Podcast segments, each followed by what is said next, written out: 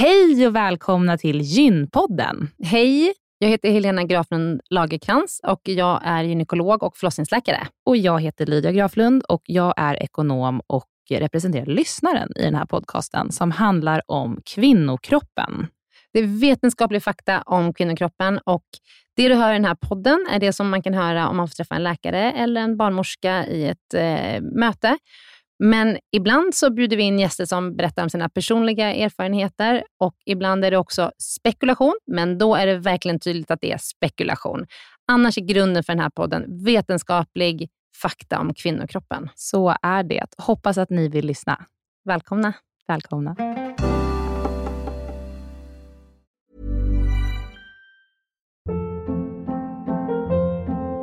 Hold up. What was that? Boring. No flavor. That was as bad as those leftovers you ate all week. Kiki Palmer here, and it's time to say hello to something fresh and guilt-free. Hello Fresh. Jazz up dinner with pecan-crusted chicken or garlic butter shrimp scampi. Now that's music to my mouth. Hello Fresh. Let's get this dinner party started. Discover all the delicious possibilities at hellofresh.com.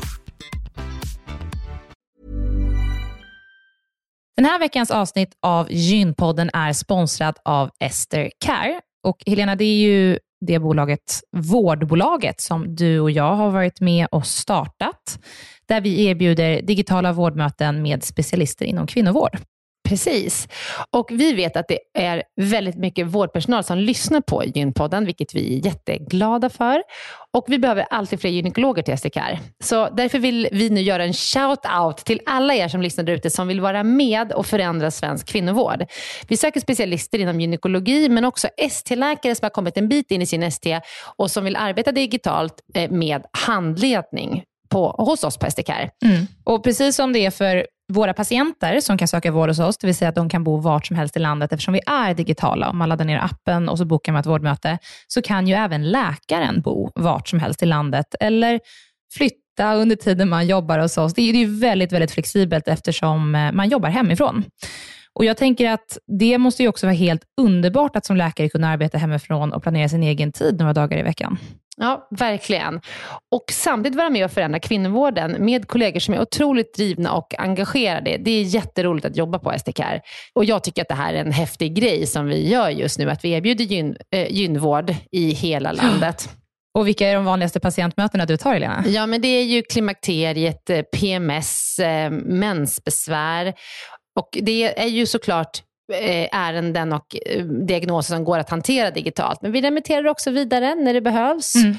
Eh, och tar labbprover när det behövs mm. och så vidare. Mm. Så gå in på sdcare.com, klicka på jobba hos oss i menyn för att läsa mer och skicka in en ansökan. Tack så mycket. Tack och välkomna.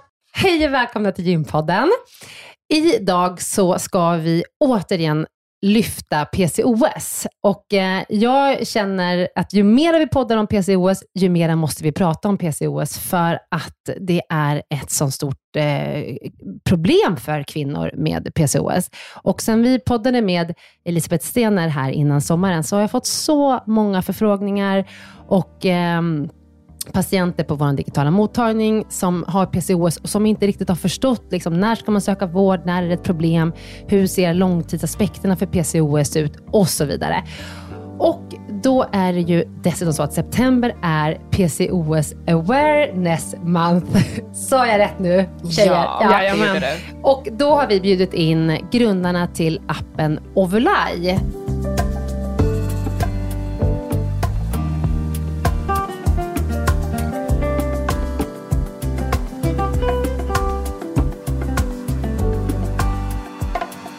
Välkomna Leila Ali Dolej och Kristina Stojanovic. Välkomna! Tack så hemskt mycket. Tack Helena. Så kul att ni är här. Och vi har ju pratat fram och tillbaka här ett tag nu om att vi ska podda, att vi måste lyfta liksom kvinnoperspektivet mm. PCOS och inte bara det medicinska och liksom vårdsidan. Och det är ju ni här för att göra idag. Ja, nej men jättekul att uh, vi är här. Superroligt att få verkligen lyfta perspektivet från vårt community och mm. från vår egna resa. Ja, men ni, eh, vi ska börja med, ni, ni ska få berätta mycket mer om Ovulai, men kort så har ni varit med, eller det är ni två som har grundat Ovulai. Vad är det för någonting? Vi är faktiskt fyra kvinnliga Okej. grundare. Mm. Ehm, tillsammans med Katarina och eh, vår tekniska grundare Sandra har vi skapat den här digitala plattformen för att hjälpa kvinnor med kroniska diagnoser att få hjälp och helhetsstöd med deras diagnoser helt Mm. enkelt. Och vi började med PCOS, PCOS. just eh, eftersom det är väldigt många kvinnor som har diagnosen, men som också är odiagnostiserade. Mm. Eh, och eh, ja, dels på grund av vår egna personliga resa. Eh, så det är superspännande att få berätta om det. Heja er. Det är så bra, det behövs sådana här initiativ, för jag tror att det är jättemånga kvinnor som går, alltså dels som du säger odiagnostiserade, Mm. men också som kanske har fått höra att man har diagnosen PCOS och har ingen aning om vad man ska göra med den informationen. Precis. Så fantastiskt. Overlay, men vi kommer prata mer om det. Mhm. Men eh, bara kort, eh, ni vet ju vad PCOS är, men jag ska bara för er, för er lyssnare nu som inte alldeles nyligen har lyssnat på våra PCOS-avsnitt, så är ju PCOS en hormonell störning kan man säga, där eh, balansen mellan de kvinnliga och de manliga könshormonerna är störd. Och det här resulterar oftast i att man har eh, oregelbunden mens eller kanske till och med ingen mens alls. Att man kan ha ökad behåring på eh, ja, ansikten och magen och ljumskar till exempel. Och eh, många har problem med akne. Eh, och så finns det också en bild på ultraljudet, när man gör ett vaginalt ultraljud, så tittar man på hur äggstockarna ser ut och då ser man oftast många små blåsor på äggstockarna. Så det är liksom eh, det man tittar på och det man ställer diagnosen när man, eh, eh när man ah, ska diagnosera PCOS. Precis, men ni har ju otroligt bra avsnitt innan man kan lyssna på mer Ja. in djupgående, Ja. vilket jag högt kan rekommendera. Ja, bra. För det är ett som är inspelat för ganska länge sedan, men som är lite basic om PCOS med vår professor här i Stockholm, Angelica Lindén Hirschberg. Mhm. Men sen är det också ett här innan vå, i, i våras, som vi släppte med Elisabeth Stenar, som är forskare, där vi gör en djupdykning i PCOS och vad som händer liksom just nu och vad man kan räkna med ska ske i framtiden. Så lyssna på de avsnitten. Ja. Men Kristina, Mhm. du har PCOS. Ja, men precis. Jag har eh, PCOS och eh, ja, den här resan med PCOS, den började ju tre år sedan. Mm. Eh, Hur gammal är du nu? Jag är 28 nu, fyller 29, eh, så ja, inte 30 än, men eh, så tre år sedan egentligen fick jag diagnosen PCOS och hur det kom till diagnosen, det, det är ju, eh, jag var liksom då 26 eh, och har eh, varit på preventiva medel väldigt lång tid. Och då var jag också eh, i en stabil relation, det är jag idag också. Eh, och, och kände att nej men nu, nu känns det som att jag kan eh, sluta med preventiva medel. För jag ville egentligen veta, vem är jag utan, utan hormonerna? Eh, och tänkte att nej men nu, nu slutar jag med min p-ring och eh, ja, mensen kommer ju och så blir det liksom som vanligt igen. Eh, men det blev ju inte så. Eh, jag fick väldigt kraftig akne från ingenstans. Och eh, jag har ju haft akne i puberteten väldigt mycket, mer än eh, andra i min årskurs. Och då kände jag att, men gud, eh, ska jag få akne nu igen i vuxen ålder? Not again. Så det var lite märkligt för mig, men då tänkte jag att ja, men det är säkert för att jag har slutat med, med preventivmedlet eh, och tänk, tänkte att ja, men nu kommer ju mensen också. Det här, är liksom, det här brukar hända eh, innan mensen. Jag hade inte så mycket kunskap om eh, liksom, menscykeln och Nej. kvinnohälsa och hor- hormonhälsa överlag. Men för fråga, hade du regelbunden mens innan du började med preventivmedel, alltså när du var yngre? Ja, eh, jag minns inte exakt. Nej. Det, det är lite det som är grejen. Att jag tänkte inte riktigt på, på det på det sättet. Och då, jag kan faktiskt inte minnas om det var regelbundet eller inte. Jag Mm. vet bara att eh, då hade jag akne. Eh, ja, då var det liksom tonåren, eh, upp till 18-årsåldern. Och sen så hade jag inte akne medan jag var på preventiva medel. Och nu fick jag akne igen. Mm. Men jag liksom kopplade inte det eh, ja, på det sättet med, ja, med, med PCOSen. Så sen så tänkte jag, ja men nu kommer ju mensen, för det här brukar hända, har jag hört innan mens, att man får akne. Men Mm. mensen kom, kom ju inte. Den kom ju efter ja, men 50-60 dagar något. Mhm, mm. Och det, det var väl lite skrämmande, för jag liksom gick runt och bara, okej, eh, jag får ingen mens, vad händer? Jag började prata med, med mina kollegor, med Leila, Mm. för då, just vid den tidpunkten så jobbade vi ju på samma arbetsplats, vi var ju Ja. kollegor. Mm. Mm, Vi är annars eh, Mm. gymnasiekompisar. Ja, och det ska ju ändå sägas att av någon konstig anledning så visste vi inte heller så mycket om vår menscykel. Alltså vad som var normalt eller vad som inte var det. Mm. Förrän vi började prata och insåg, typ, gud varför kan vi inte någonting alls Mm. om vår egen hälsa? Det är så vanligt. Alltså, eller kvinnor kan, och flickor kan jättelite om Ja. menscykeln. Och det är en jättebra fråga du ställde Mm. precis till Kristina. Ja. Typ, hur var den innan puberteten? Men det är ingenting som man uppmärksammas eller kommer ihåg. För att vi har inte haft den vetskapen. Ehm, och jag själv gick igenom hormonella besvär då också. Det var ju det. Vi verkligen, alla kvinnor united med den här, gud, I'm not alone, vad är det? Någonting går konstigt här. Eh, jag hade kraftiga menssmärtor till punkt att jag kunde svimma flertals gånger varje gång jag fick min mens. Ehm, och genuint visste inte att det här inte var normalt. Nej. Igen, alltså visst, jag hade ju vänner som gick igenom liknande, gick och sökte vård, fick höra ta lite smärtstillande, så löser det sig. Och Mm. Det har liksom bara normaliserats för mig, att det här är vad vi kvinnor måste gå igenom. Så vi satt där och bara pratade med varandra och så var det typ en flod av våra andra kollegor och vänner som sitter och bara, men jag har svårt att bli gravid, men alltså det, är, det är jättekonstigt, jag kan liksom inte se när jag ägglossar. Eller någon annan äldre kollega som precis skulle komma in i klimakteriet och börja få liksom utbrändhetssymptom eller utmattningssymptom och psykisk ohälsa, alltså självmordstankar. Och så här, men vad är det som pågår? Och vi alla satt där och bara, vad är det som pågår? Mm. Mm. Så det var lite där vi blev besatta Ja. med att försöka lösa det här problemet. Det, och ni, jag- jag tror bara också så här att ni alltså pinpointar hur det är. Så här, man öppnar den här liksom dörren Ja. bara på, på en arbetsplats Ja. eller i ett kompisgäng. Så här, bara, ja, jag känner så här ibland. Då bara, Det, är så, alltså det forsar, Ja, verkligen. För alla har oftast något eller några Mm. problem och frågeställningar. Och är Mm. det här normalt? Och, och som det, Leila, det du säger det här med att, att man har menssmärta så att man nästan svimmar och sen får höra att det är normalt. Det är Mm. klart att då frågar man inte igen sen Ja, men kanske. precis. Alltså man blir ju helt normaliserad till tanken Mm. att det här är Mm. vad som innebär att vara kvinna. Mm. Liksom. Men det finns ju Mm. hjälp att få. Ja, sorgligt. Jag vet. Men det öppnade upp för oss. Eh, Vi jobbade som professionella problemlösare, så varje dag så såg vi liksom problem dag in och dag ut och systematiskt tänka ut hur vi ska lösa det här. Så när vi såg det här som ett problem, vi var så här, okej, vi måste lösa det här. Mm. Mm. Och till vår förvåning, vi gjorde ju stora undersökningar, eller kvalitativa studier, där vi såg att nästan 90% av alla kvinnor gick igenom liknande. Någon form av gynekologisk, hormonell eller mensrelaterade besvär. Mm. Och Det var då vi insåg, okej, vi var chockade obviously, men också väldigt... eh, Det, det gav en känsla av, eh, så här, men gud, vi är verkligen inte ensamma. Det här validerar vad det vi och våra vänner har gått igenom. Det Mm. är verkligen så vanligt. Mm. Hur, men hur, när fick du din diagnos? Mm. När förstod Mm. du liksom att det var eh, någon, något mer Mm. än bara liksom, eh, att mensen var lite Exakt. sen? Ja, men det var faktiskt i de här samtalen med andra kvinnor och det är den här liksom igenkänningen som man brukar få. Ehm, Jag pratade med en kvinna just i de här undersökningarna när vi gjorde dem, med en kvinna som hade fått diagnosen PCOS eh, och hade väldigt lik symptombild. Hon hade akne, även eh, behåring i ansiktet och på bröstet. ehm, också oregelbunden mens och hade fått diagnosen och hade också eh, haft problem med att eh, bli gravid. Och det var då jag misstänkte, men gud, kan det här vara någonting som jag också har, den här diagnosen? Och det var det som faktiskt triggade igång oroskänslan Mm, eh, och eh, fick mig att söka vård och utreda vidare. Men det kan också sägas Mm. varför det tog lång tid för dig att inse det. Det var ju anledningen, för att vi fick ju oftast höra att bilden på en klassisk PCOS är liksom associerad med någon med högre vikt.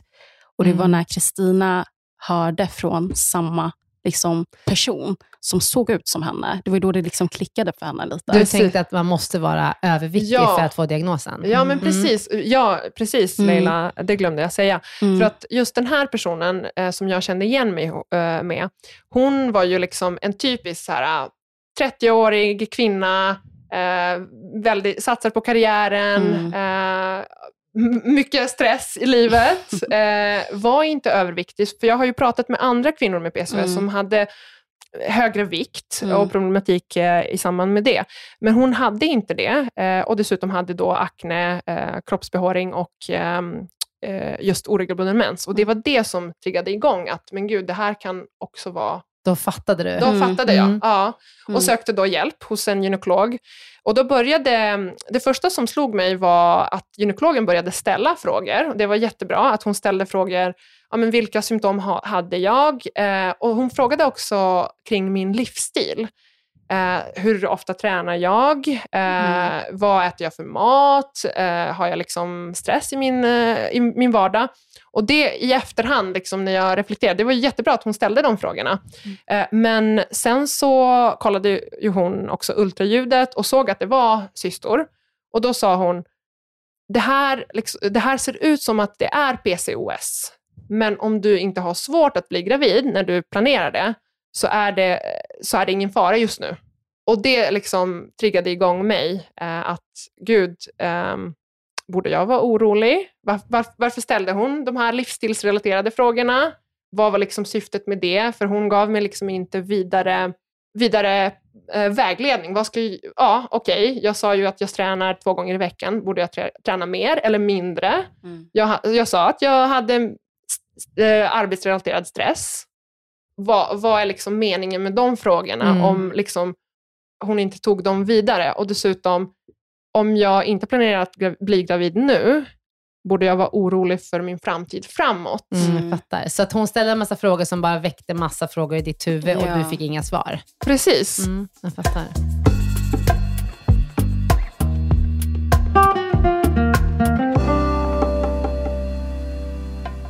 Men vad hände sen då? Vad, du, du fick diagnosen PCOS och Mm. det är då tre år sedan. Mm. Vad, liksom, vad, hur gick du vidare? Eller hur kände du?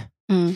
Nej, men jag kände faktiskt att under de här 20-30 minuterna att det var bara liksom, man hann inte riktigt smälta det. Ehm, och jag tror att många känner igen sig med det, att man, man hinner inte ställa de frågorna som man faktiskt undrar över.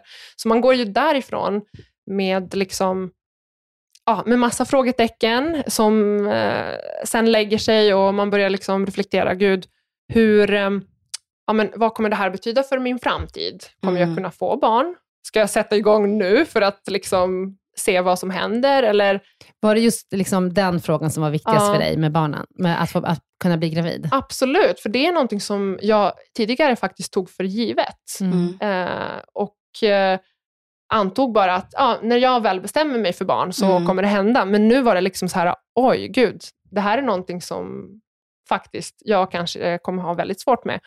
Eh, Men även det här eh, att aknen var relaterat till det här, det är någonting som, alltså jag har över åren varit väldigt, det, det har varit väldigt känsligt för min självkänsla, för min självbild, ehm, liksom hur jag socialiserade med andra människor, i vilka sammanhang. Det har varit väldigt, aknen har, väldigt, har haft väldigt mycket påverkan på min på Mm. min utveckling, självutveckling också.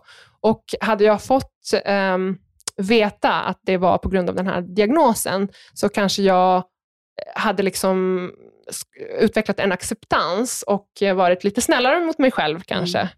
Eh, så det var ju bra att jag liksom då förstod det. Nu, nu har jag faktiskt, jag har liksom, det är det positiva med att liksom få en diagnos faktiskt, att jag nu är mycket snällare mot mig själv Mm. och förstår vad, vad det handlar om. Mm. Ja. Mm. Och Det är ändå väldigt intressant att belysa att Kristinas väg till diagnos har varit relativt snabbare jämfört med många andra i vår community upplever. För dem har de ungefär gått i genomsnitt sju rundor av läkarbesök Mm. Där de slussas och fastnas i liksom vårdkedjan, men också nästan två år innan de får en diagnos. Mm. Och när de väl får diagnos så får de höra liksom, du kommer aldrig bli gravid, vilket är en av de värsta fallen vi har fått höra, men är väldigt vanligt. Mm. Eller gå ner i vikt, vilket sen triggar bland annat de här psyk eller varför anledningen varför psykisk ohälsa är så stor bland PCOS-community. Nästan 70 procent av kvinnor med PCOS som lider av psykisk ohälsa, ätstörningar till kroppsbild och oro, ångesten kring framtiden. Så att där ville vi faktiskt bjuda in dig och höra dina tankar kring varför, vad tror du är anledningen till att eh, patienterna får höra det här? Varför är det liksom, vart sker det liksom brist i kommunikation eller vad är din perspektiv? Alltså det är ju hemskt, Det är. känner jag. Det är så hemskt att få höra att man kanske inte kan bli gravid. För dessutom är det så att kvinnor med mm. PCOS får ju lika många barn som kvinnor utan PCOS, fast med kanske lite hjälp. Precis. Så dessutom är det ju inte ens sant. Det stämmer ju inte. Nej, eh, så det kan vi börja med att säga. Mm. Det är inte sant. Eh, och sen så, eh, ja, jag vet inte, man skäms ju lite över sitt liksom, skrå, att, att det är så många kvinnor som får höra sådana saker. Men dels lite så kanske okunskap. Eh, Mm. Jag tänker att man kanske, vi- vissa gynekologer kanske tror att det inte går att bli gravid. Mm. Fast, det, fast det är så svårt att Ja, förstå. eller Men kan, liksom, eller ibland också tänker jag en kommunikationsgrej, att också så här, gynekologen säger så här, ja du har ju ingen ägglossning, då är det ju svårt att bli gravid. Mm. Och då, eh, då hör kvinnan så här, åh jag kommer aldrig bli gravid. Mm. Eh, Men egentligen ska man ju säga så här, eh, du måste ha en ägglossning för att bli gravid och vi kanske behöver hjälpa dig med den ägglossningen. Mm. Så att, liksom att, eh, att hon kanske läser in någonting helt annat än vad gynekologen säger och gynekologen kanske bara är opedagogisk. Mm. För att det verkar så orimligt att säga att du kommer aldrig få några barn, för att det vet vi ju att så är det ju inte. Precis. Och sen, och sen det här med livsstilsfaktorer. Det är ju, eh, det, det, är ju, det, är ju, det tycker jag är att det är så otroligt slimmat i sjukvården. Alltså, eh, Mm. Och det här pratade vi också om i tidigare, gyn, eller tidigare gynpodden-avsnitt, att man kan inte så här, sätta diagnosen och sen ta hela liksom, så här, eh, du har ökad risk för ditten och datten och du Mm. måste tänka på det här. Utan det får man ju ta i, näst, i ett återbesök. Intressant att du säger det. För det är lite av en informationsdump annars. Ja. Med eh, liksom direkt radda upp.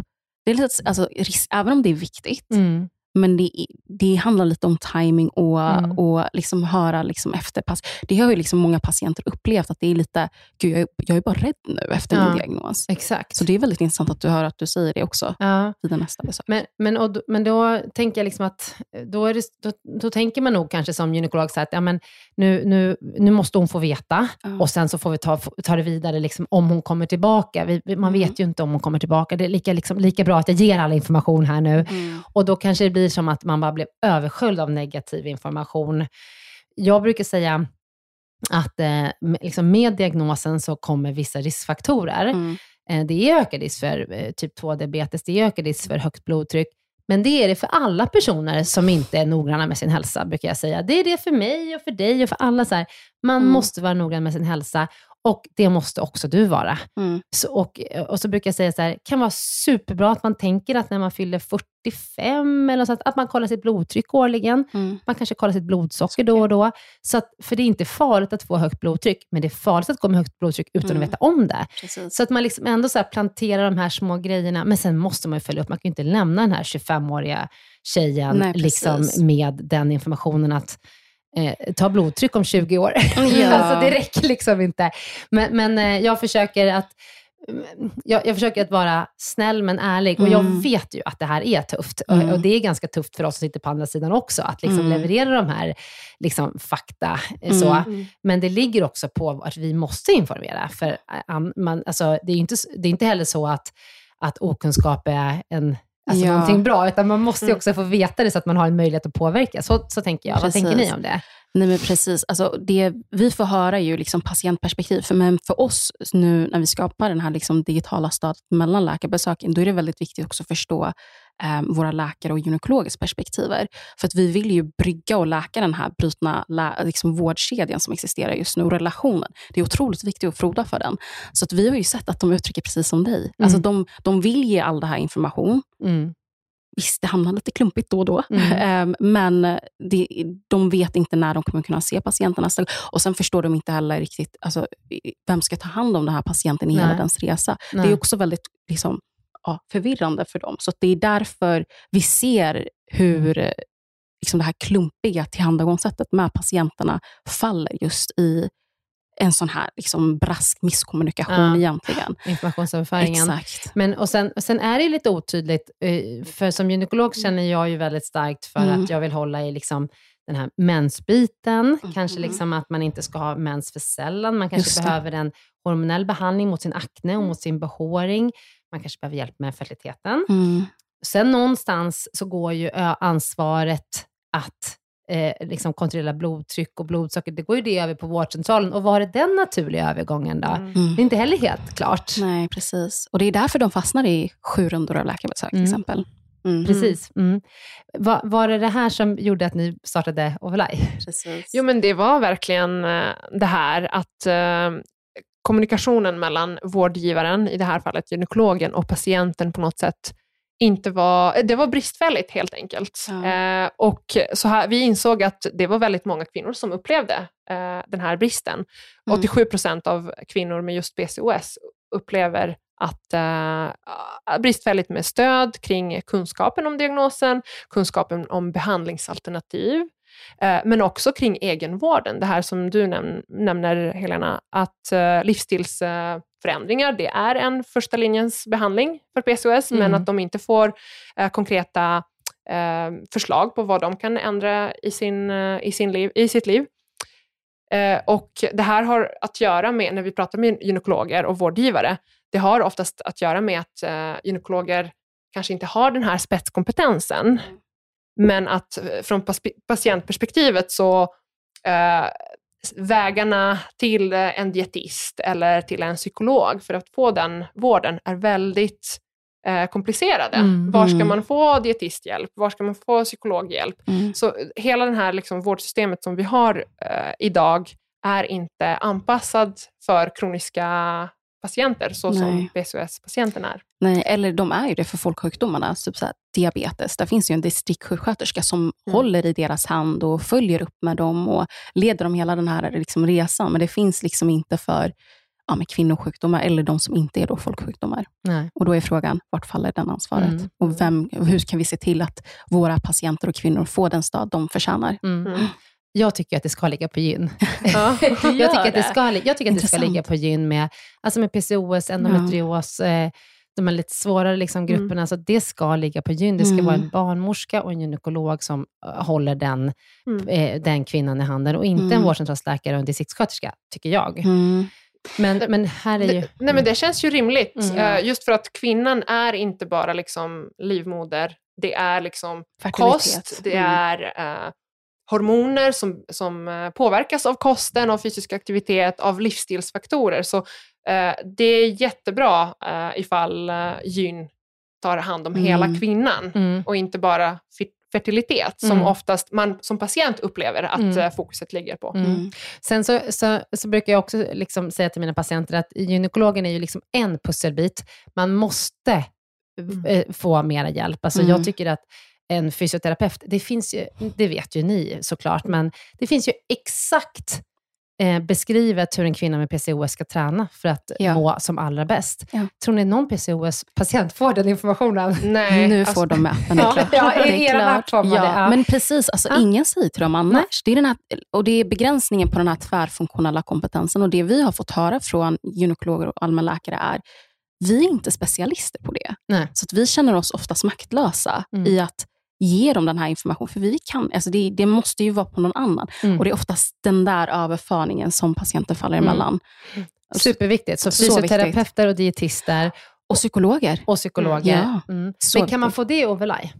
Ja, mm. så att, vill du berätta Kristina vad, vad vi gör Ja, men precis. Alltså, hela vår vision och vår dröm med ja. Ovlai är ju att uh, skapa lättillgängligt stöd för patienterna och stärka patienten, uh, patientens inverkan på sin behandlingsresa mellan läkarbesöken. Så på ett sätt uh, är vi den ledande, handledande handen, mm. kan man mm. säga. Men vi ska också hjälpa vårdgivaren. Vi är egentligen stödet mellan läkarbesöken Eh, och eh, i appen får man all den här eh, egenvårdsstöd som man vanligtvis inte har tid att få från sin vårdgivare. Men att vårdgivaren ändå eh, kan, kan följa upp med patienten. Vad har du gjort under de här tre månaderna mellan återbesöken? Eh, vad har du liksom gjort kring din kost, träning, mental hälsa som, skulle, som ska påverka dina PCOS-symptom och hur kan och det gör ju att läkaren i sin tur kommer kunna ta bättre beslut kring behandlingen. Är det en medicinering som ska sättas in? Är det inte en medicinering för att det går så bra med dina livsstilsförändringar? Så det här är ju ett sätt för eh, vårdgivarna också att eh, ta bättre beslut kring PCOS-patienterna. Mm. Men jättebra. Och precis som du säger, jag tror att många vårdgivare känner nog liksom att jag kan inte mera nu. Mm. Så, nu, så, så det, ju, det, skulle ju vara liksom en otrolig... Alltså om, om Vlaj kommer ut och alla öppenvårdsgynekologer mm. vet att man kan så här, hänvisa, ladda ner Ovlaj och sen ses vi igen om tre månader. Mm, Så, så. så, och så fortsätter vi det här samtalet och liksom, eh, följer upp behandlingen, sätter in behandling eller vad, du nu, liksom, eh, vad man nu landar i. Så, så att, ja, för möjligheterna som finns, inte bara den evidensbaserade informationen, så, som, alltså, så att de inte googlar när de kommer hem och i egen hand kan liksom ta till informationen. Har de frågor och funderingar, finns också möjlighet för dem att ställa våra experter, men också gå till sin läkare och fråga. För det är bara små oroligheter som bidrar till den här psykiska liksom, påfrestningen egentligen. Men det är egentligen att de själva kan ta tag i egenvården, symptomtracka och se liksom, hur deras symptom liksom, utvecklas under en viss period och hur behandlingen, vare sig det är livsstil eller läkemedelsbehandling, hur funkar det? mm, Och ha en uppföljning mm. och strukturera upp patientresan så att när de väl kommer tillbaka till deras läkare, som bland annat också upplever att det är en stor brist på varför de inte hinner med att ta tag i patientens oro och frågor, är ju anamnesdelen, tar ju väldigt mycket tid. Alltså när man frågar patienten om Precis. he- hennes historia. Om hennes Mm. historia. Och du vet, med PCOS, det finns ju en rad olika symptom. Och det, men man vill ju ofta speciell, eller fokusera på, vad är målet? Vad, vad vill du fokusera på? Mm. Så kan de visa i appen, ja, men det här är hur jag har mått de senaste tre månaderna. Det här är vad som, alltså hur behandlingen har gått eller ej gått. Det här är vad, liksom, och driva i en bättre liksom, Relation. riktning också. bättre Ja. riktning, precis. Mm.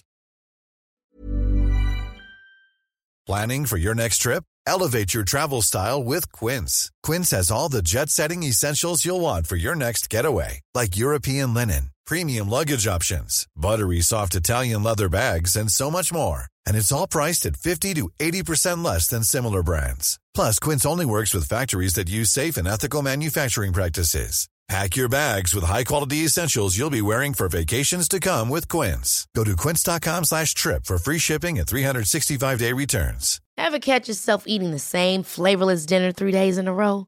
Dreaming of something better? Well, HelloFresh is your guilt-free dream come true, baby. It's me, Gigi Palmer. Let's wake up those taste buds with hot, juicy pecan-crusted chicken or garlic butter shrimp scampi. Mm. Hello Fresh. Stop dreaming of all the delicious possibilities and dig in at HelloFresh.com. Let's get this dinner party started.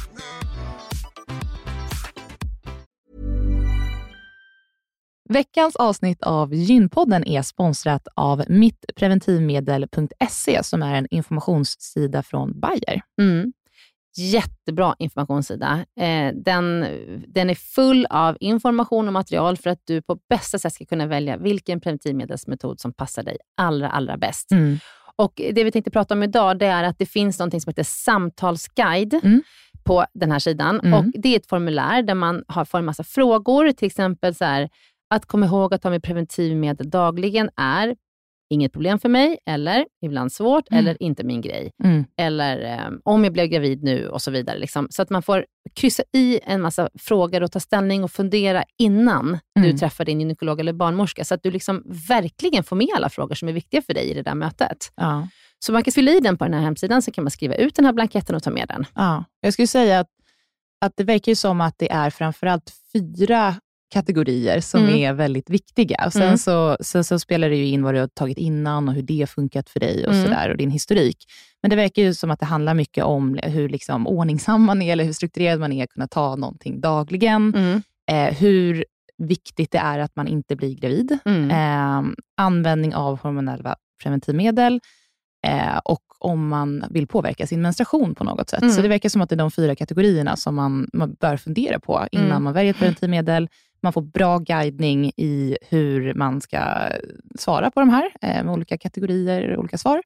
Och Sen så tar man med sig det till sitt möte med barnmorska och gynekolog och då är man väl förberedd. Mm. Och Jag lovar er att om ni gör det här innan ni går eh, till en barnmorska eller gynekolog, då kommer ni få mycket bättre hjälp. För att det här är liksom ingenting som bara finns i en, utan man måste liksom fundera lite på Ja. så vad är viktigt för mig. Vill jag ha mens eller inte? Ja. Och så vidare. Så gå in på mittpreventivmedel.se och titta runt där och gör den här eh, ja, samtals, ja, samtalsguiden. samtalsguiden. Ja.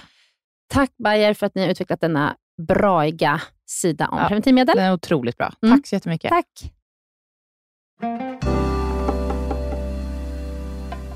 Vi har sett just det här att eh, 40 procent av eh, kvinnor i vårt community har upplevt att behandlingen inte har hjälpt mot deras symptom. Och eh, därför vill vi skapa verktyg för att eh, driva en datadriven eh, beslutsstöd för läkarna. Mm. Men där undrar vi också hur, hur du ser på det, Mm. Helena. Vad, vad, hur kan vi förbättra så att den behandlingen som sätts in följs upp och Mm. faktiskt har en effekt på, hos patienterna? Ja, det är ju en jättebra fråga. Nej, men jag tänker, dels så tänker jag att man alltid ska boka ett återbesök Mm. eh, och följa upp och inte lägga det på kvinnan. Här, Jag skulle hör- precis fråga, vem Mm. faller den ansvaret på? Eh, Jag tycker att det, jag vet ju att det faller ofta på kvinnan, men jag tycker att, att eh, säga så här, jag kallar dig för ett återbesök om tre månader och då följer vi upp hur du mår på behandlingen. Och det här är inte bara PCOS-patienter, det här tycker jag är väldigt många olika eh, behandlingar. För ofta så är det lite så här, men hör av dig om det inte blir bra. Och sen blir det inte bra, men patienten får inte tag på sin doktor eller någonting annat hamnar emellan. Och sen rinner allting ut i sanden och så går det ett år till. Och sen hör de av sig igen, så bara, ja jag testade en behandling men det funkar inte, vilken behandling var det, kommer inte ihåg. Och så är man liksom inne i det igen. Utan att boka en uppföljning efter tre månader och se så här, har du fått någon effekt? Mm. Sen ska man komma ihåg att p-piller, Mm. eh, p-piller med östrogen i, har ju oftast, inte alltid, men oftast god effekt på aknen, Kristina, som du sa, Ja. eh, och på behåring och på mensmönstret. Men eh, behåringen framförallt tar det ganska lång tid, så man måste liksom verkligen ha lite så här, man måste ha lite tålamod och inte utvärdera för, för tätt. Liksom. Men för att fråga Kristina, vad valde du för behandling? Eller, har du liksom, eller gjorde du bara livsstilsförändring? Eller när du fick diagnosen, liksom, vad landade du i då? Nej, men jag fick ingen konkret behandling egentligen, för att det var ju då jag slutade med p-pillren. Eh, gynekologen föreslog p-piller som en behandling mot akne, men då sa jag att jag har, liksom, jag har ju slutat med det, jag vill inte använda det. Eh, och då föll det liksom på livsstilsförändringar som, eh, ja, som jag inte visste vad jag skulle göra egentligen kring. Så det var egentligen ingen behandlingsalternativ, utan det var snarare en uppmaning att ifall jag får eh, problem med fertilitet, att då kommer behandlingen in. Mm. Och Det känns ju rimligt, men det liksom lämnar ju mig i en sits att jag vet inte vad jag ska göra med den här diagnosen eller med den här informationen. Nej. Så, så då, då, då startade du en app? Ja, då startade jag. Så enkelt. Då hittar jag en egen lösning. Ja, ja men det, är, det är fantastiskt. Så, Ja. nu, så nu så, när man står där och har fått diagnosen och inte riktigt vet vad som händer, Mm. Då kan de gå till en app. Ja. Mm, Ja, är bra. Ja. Men, men jag tycker man ska kräva ett återbesök. Ja. Eh, Ja. Så att man till, liksom, som, det är liksom ett minimum. Ett inledande samtal, ett återbesök. Och sen kan man väl se vad som behövs. Mm. Liksom. Mm. Eh, Så. Men, ehm, eh, och sen som sagt, gynekologen är en pusselbit. Jätte- Fysioterapi, dietist, Mm. KBT eller psykolog. Liksom att man går vidare och tänker så här Mm. att, att eh, eh, ett piller löser ju inte hela Mm. mm, problemet. Ja. Liksom. Men det tycker jag med återbesök, alltså om, om, hon, om den gynekologen hade sagt, ja, men, utvärdera om tre, sex månader, till och med ett år, vi bokar in ett återbesök. Jag skulle känna mig mer liksom omhändertagen i, i, mitt, eh, i, i det Så är- läkarbesöket. Mm. Det, jag tror att många upplever det, att de blir liksom bara lämnade. Ifall gynekologen hade tagit på sig det ansvaret, ja, men kom tillbaks om tre månader, vi bokar ett besök. Det känns som att då har man ett mil, milstolpe och då tänker Mm. man, man reflekterar mer kring sin symptomutveckling och hur man mår och vad är nästa steget. Och man kanske anstränger sig mer i livstidsförändringar. Om man vet att man ska Precis. rapportera tre månader senare. Hur har du ätit? Hur har du Precis. tränat? Hur sover du? Mm. Allt det här som man Mm. kanske liksom vill förbättra. Ja, och det skulle förbättra kommunikation. Istället att fokuset då blir på att gå ner i vikt eller liksom bli gravid. Mm. Det blir ju mer på livsstilsförändring påverkar Mm. din diagnos och varför gör den det? Och Mm. förstå sig på liksom grundorsaken och få ett strukturerat liksom plan för hur Mm. man ska göra det. För oftast är det så här, ja, ändra din livsstil, vad innebär det? Bara det är liksom overwhelming i sig Mm. själv. Mm. Ehm, så man behöver den här lilla guiding hand, så att Mm. säga. Mm. Eh, Men nu har ni varit live i ett år. Ja, gud vad tiden flyger iväg. Ja. Och, och liksom, hur vill ni sammanfatta första året? Ehm, vi fick en bebis, två bebisar med, under processen. Ja, precis, under processen. Ja. Precis, så jag, ja, jag har ju faktiskt blivit gravid. Mm. Och du har blivit mamma. Ja, jag har Mm, blivit mamma. mamma Mm. sedan ett år tillbaka, Mm. vilket har varit fantastiskt. Eh, Och eh, i allt det så har vi ju fått eh, jättemånga användare i appen. Otroligt fin och respons. kunnat hjälpa eh, framförallt kvinnor med PCOS Mm. att ta tag i sin hälsa. Eh, vi har fått otrolig respons kring ja, men att eh, egenvårdsrekommendationerna som vi ger i appen, att de har hjälpt dem i viktnedgången, eh, att liksom känna mer hopp inför framtiden framför allt. Eh, så det har varit super, super roligt. Kan Ja. man prata med varandra? Så det är ännu inte live än, Nej. men man har någon form av liksom en community feature i appen där Ja. man kan eh, läsa om andras resor och PCOS-resor för att liksom minska på ensamheten och stigmatiseringen. Så att vi, vi har nu ja, nästan 4 000 kvinnor som har varit med i appen och bara efter första månaden så ser vi en mätbar förbättrad livskvalitet, vilket vi är otroligt stolta över. Och Jag tror det har mycket med att göra att, vi, att de känner igen sig, att gud, okay, jag är inte ensam, det finns hjälp att få och hela den här psykologiska liksom, välmåendet, den, den förbättras när de vet att det finns hjälp att få. Ehm, och Det har varit så fint. Och, och så har många liksom skrivit till oss och bara, oh my God, jag har lyckats bli gravid. Eller. Eh, jag har lyckats liksom, få en regelbunden menscykel och det är bara otroligt fint att höra. För att det, det krävs ju bara liksom små informationssteg. Och det viktigaste egentligen är patient empowerment. Att de läser på oberoende vad behandlingsalternativen är, men att de gör informerade beslut för deras hälsa. För då kan de gå tillbaka till sina gynekologer och säga, vet du, jag har läst på om det här, jag, jag, jag, jag, jag har besvär med de här symptomen, vad är alternativen som finns? Ja. Och så vet de också lite i förväg, okej, det här är vad jag kan balansera mig av och ej på. Ja. Mm. Fantastiskt. Eller hur? Grattis hörni. Smidigare för Till alla. app och två bebisar i Ja, teamet. Åh, verkligen. Det är så kul. Ja. Vi har två punkter kvar i den här Mm. podden tänkte jag. Det ena var att vi ska prata om det här med PCOS awareness month och ni planerar ett event. Mhm. Och sen tänker jag också att ni hade lite frågor från er community till Ja. mig. Så men vi börjar med, vad, vad är PCOS aware, awareness month? September, som är PCOS awareness month, alltså medvetenhetsmånaden, den ägnas för att öka medvetenheten om polycystisk ovariesyndrom, eh, som då påverkar enligt de nya uppdaterade internationella, internationella riktlinjerna var åttonde kvinna. Eh, så det är faktiskt någonting som erkändes i USA av deras patientorganisationer 2018 eh, av kongressen, att det här är en viktig kvinnohälsofråga eh, som bör belysas och detekteras en hel månad till att belysa. Jättebra. Och Det görs ju liksom internationellt i flera former av aktiviteter och event för att öka medvetenheten i samhällsnivå. Men det har inte gjorts ännu i Sverige. Nej. Och vi kände liksom, det är fan dags. Det är. Det Och, är och, vi, dags. och vi kände dessutom att det är fan dags att eh, introducera det på, i olika samhällsskikt. Japp. Inte bara hos patienterna, men också Mm. hos vårdgivarna, Japp. men även på, Politiker. på politisk nivå. Ja. Så, så när, vad händer nu då? Ja, så vi har en rad aktiviteter som vi har inplanerade, men den vi ser mest fram emot är PCOS awareness-eventet. Den första av sin slag som kommer ske i Stockholm, men man kan också delta digitalt och en- med livestream den 19 september. Eh, och vi är så taggade på att kunna diskutera bland annat den komplexa problembilden om PCOS utifrån olika perspektiv tillsammans med de ledande forskarna inom PCOS, eh, specialistgynekologer, politiker, patientorganisationerna eller den dåvarande, eh, för att lyfta och sprida kunskap och medvetenhet om PCOS, men också framtidshopp. Det här är en möjlighet för vår community att få gemenskap och känna den support, men också berikas med information på vad de kan göra och och just det, den viktigaste av allt egentligen. Uppdatering, uppdaterade riktlinjer av behandling och diagnos kommer också presenteras av Angelica. Så vi är otroligt stolta Angelica över det. Lindén Hirschberg. Ja, Perfekt. ja så Men, men var? Det kommer ske i KTH eh, i Stockholm. Så, så det här är ju, eventet är ju om bara några dagar. Ja, nästan en vecka tror jag. Så N- Är det 19 september? 19 september. Mm. Så om du är intresserad av att delta, det är bara att gå till vår hemsida och registrera er. Ovulai.com Kom. och så registrerar man sig och sen är Ja. man välkommen. Kostar det någonting? Det kostar ingenting, så det är fritt för alla att Mm. delta. Ja, men vi kommer ju eh, presentera PCOS ur olika perspektiv, Mm. eh, från olika forskare, vårdgivare, politiker. Eh, Det kommer bjudas på en show helt enkelt och vi kommer också ha utställare som olika aktörer för att hjälpa personer med PCOS i hela deras resa mot välmående.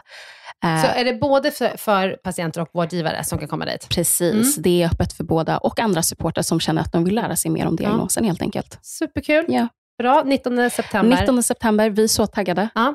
Jag hoppas på att se många av er. Ja, det hoppas jag också. Att, Mm. Jag hoppas det kommer jättemycket folk. Ja.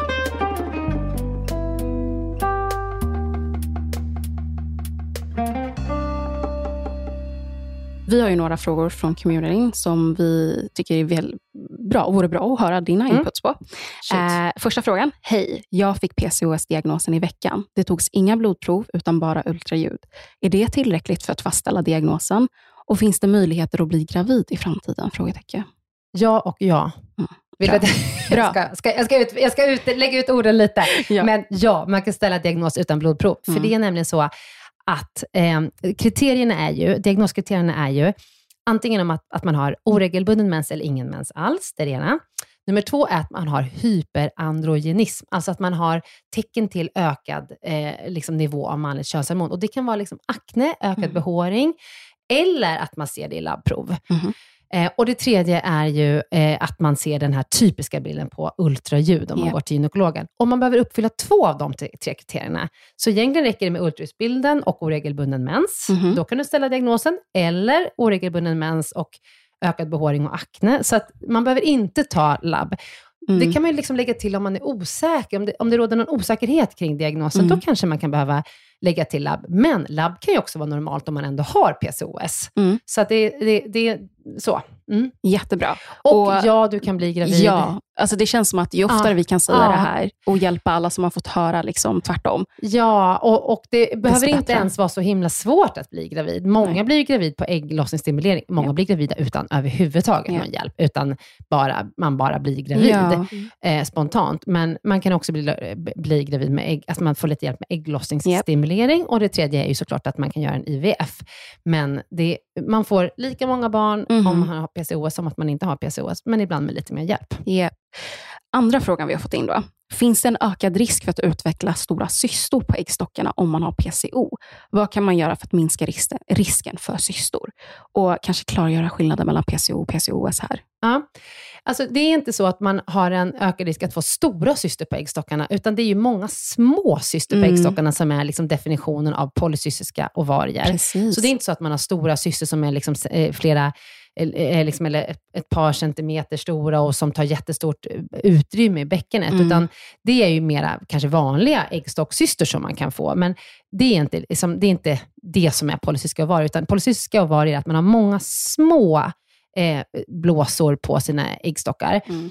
Och eh, Skillnaden mellan PCO och PCOS, det är ju om man då har den här bilden på ultraljudet, alla de här små cystorna, men du har regelbunden mens och du har inte några andra tecken på hyperandrogenism, alltså ingen akne, ingen ökad behåring, inget som, tyder, som avviker i labb.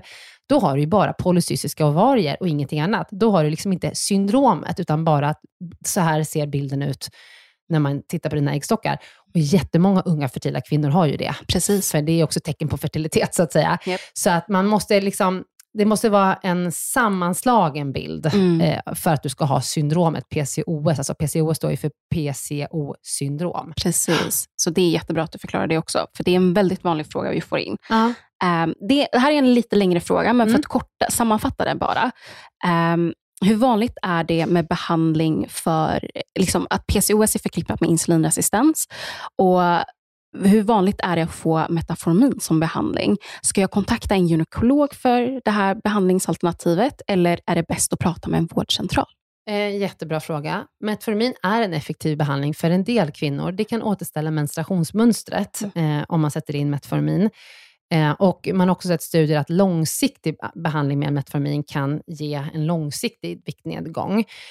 Så Metformin kan man absolut testa, men det ska också vara för den motiverade patienten, tycker jag. Det är lite biverkningar med Metformin i början, man kan få ont i magen och det är också en långsiktig behandling, så att man ska inte tänka att man äter Metformin i två månader, och liksom, utan att det är en behandling som man ska ha under en längre tid. Mm. Det är ju ett eh, diabetikum, eh, med, en diabetikummedicin, Mm. så att det är för typ 2-diabetes som man brukar sätta in det. Men vi har sett bra resultat Mm. på, diabet, eller, förlåt, på PCOS-patienter, så att jag tycker att det kan vara värt att testa Mm. om man vill. Och det är många patienter som eh, har uppfattat det här och som Mm. hör av sig och vill ha Metformin och testa det. Och jag har haft många återbesök Mm. med regelbunden mens Mm. efter det. Ja, men Mm. Jättespännande. Bra. Så vem ska man fråga? För det är oftast inte heller, eller det vi har fått höra sen innan, någonting gynekologer är medvetna om. Nej. eller? Eh, alltså det, jag tycker att gynekologer ska kunna skriva ut det, men också vårdcentralen. Okej. Mm. Mm. Så båda ska kunna hjälpa dig med det här? Ja, det tycker jag. Eh, sen vet jag inte om vårdcentralen kanske kommer hänvisa till gynekologen. Ja, Mm. mm, just det. Men, men alltså, vårdcentralen är ju de som är vanligtvis skriver ut Metformin, så om de är lite uppdaterade och om inte annat kan läsa på, så är ju inte det en, en, det är ju ingen komplicerad behandling att sätta in. Så. Okej. Eh, utan man ska bara liksom ha en motiverad patient, man ska veta att det funkar inte för alla, men det funkar för en del. Och det är förknippat med lite biverkningar i början. For, magont Mag, och ja. sådär, så att man trappar liksom upp medicinen lite långsamt. Mm. Mm. Jättebra info. Vår sista fråga då. Jag har använt eh, jasmin, p-pillen, och eh, de har tidigare fungerat bra, men under det senaste året har det slutat fungera. Jag får menstruation under pågående användning av p-pillen och blödningar kan vara kraftiga och pågående i flera veckor. Finns det andra preventivmedel som kan vara bättre för PCOS? Jag har hört från andra med PCOS också att, som också har haft kraftiga mens och som varar längre. Finns det något samband här? Mm. Eh, här tycker jag faktiskt att man kan prata lite generellt om p-piller. Mm. Eh, sen är det många PCOS-kvinnor som står på p-piller, så, så det är bra att frågan kommer upp. Men Ja. det kan ju vara så att man har ett p-piller som har fungerat jättebra, man har inte haft några mellanblödningar, Mm. man har liksom kunnat äta ihop sina kartor, gjort något uppehåll ibland och Ja. släppt fram en blödning och helt plötsligt så bara strular det. Mm. Man kan ju, om man inte har gjort ett uppehåll på länge, då kan man göra den här klassiska liksom, fyra dagars uppehållet och släppa fram en blödning och se vad som händer. Men annars så tycker jag att man kan, faktiskt ska prova att byta, mm, behand- alltså byta Mm. p-piller och se om, ehm, om det finns ett annat p-piller som funkar bättre för dig just nu. För, och jag kan inte svara på varför det helt plötsligt slutar fungera.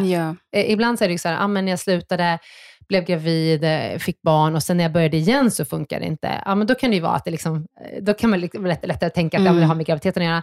Men så här är det ibland, eh, funkar Mm. dåligt eh, mellan varven, byt p-piller. Ja, och, Och se. viktigt, prata med din läkare också. Och prata med en läkare och, liksom, och, och ehm, eftersom vi vet att östrogen p-piller funkar bra med många eh, med eh, PCOS, just med behåringen och aknen och så, så är det klart att det är viktigt att försöka hitta ett p-piller som funkar bra, så testa en annan sort. Mm, Mm. Okej. Mm. Det är mitt tips. Jättevärdefullt. Ja, och, och sen eh, Leila, så mejlade du en fråga till mig här, den sista frågan.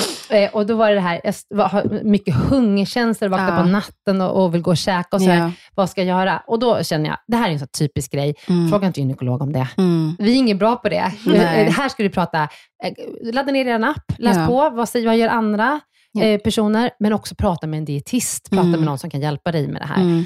Ehm, och sen så, nu kommer vi inte in så mycket på det ehm, här idag, men det finns ju också, om man, framförallt om man har typ 2-diabetesdiagnosen, så finns det ju också läkemedel som minskar hungerkänslor och som också leder till långsiktig viktnedgång och sådär. Mm. Då får man prata med sin vårdcentralsläkare. Japp. Men det är klart, är det här ett jättestort problem så måste man ju be om hjälp. Och är det ett jättestort, alltså, Mm. jag kan verkligen tänka mig att det är ett jättestort problem Ja. att vakna och vara vrålhungrig. Precis. Det, nej men gud, det, Ja. det, det är så bra att hon ställer den frågan Mm. och värt att veta också att ja, men det finns hjälp att få. Ja, Ja, det finns det hjälp. finns så verkligen prata med din vårdcentral Mm. eh, eller dietist. Japp. Så. Mm. Skitbra.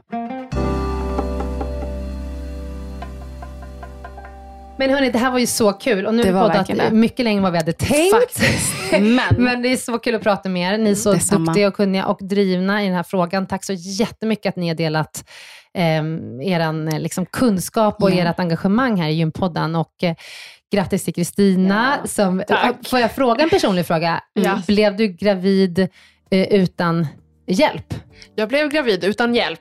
Yes, Hej, så det kan man bli när man har PCOS också. Där har vi ett talande exempel. Det är bra. Jag ville bara Ja. avsluta med det. Ja, Vad toppen. kul. Tack så hemskt mycket och eh, lycka till med Ovulaj och med eventet 19 september. stort tack för att vi fick komma. Ja, tack, tack. Hej då. Hej, hej.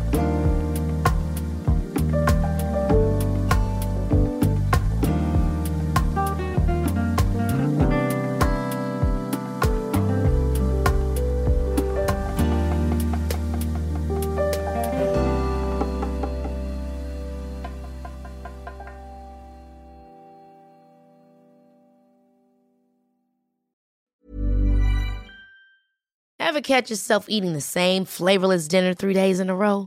Dreaming of something better? Well, HelloFresh is your guilt-free dream come true, baby. It's me, Kiki Palmer. Let's wake up those taste buds with hot, juicy pecan-crusted chicken or garlic butter shrimp scampi. Mm.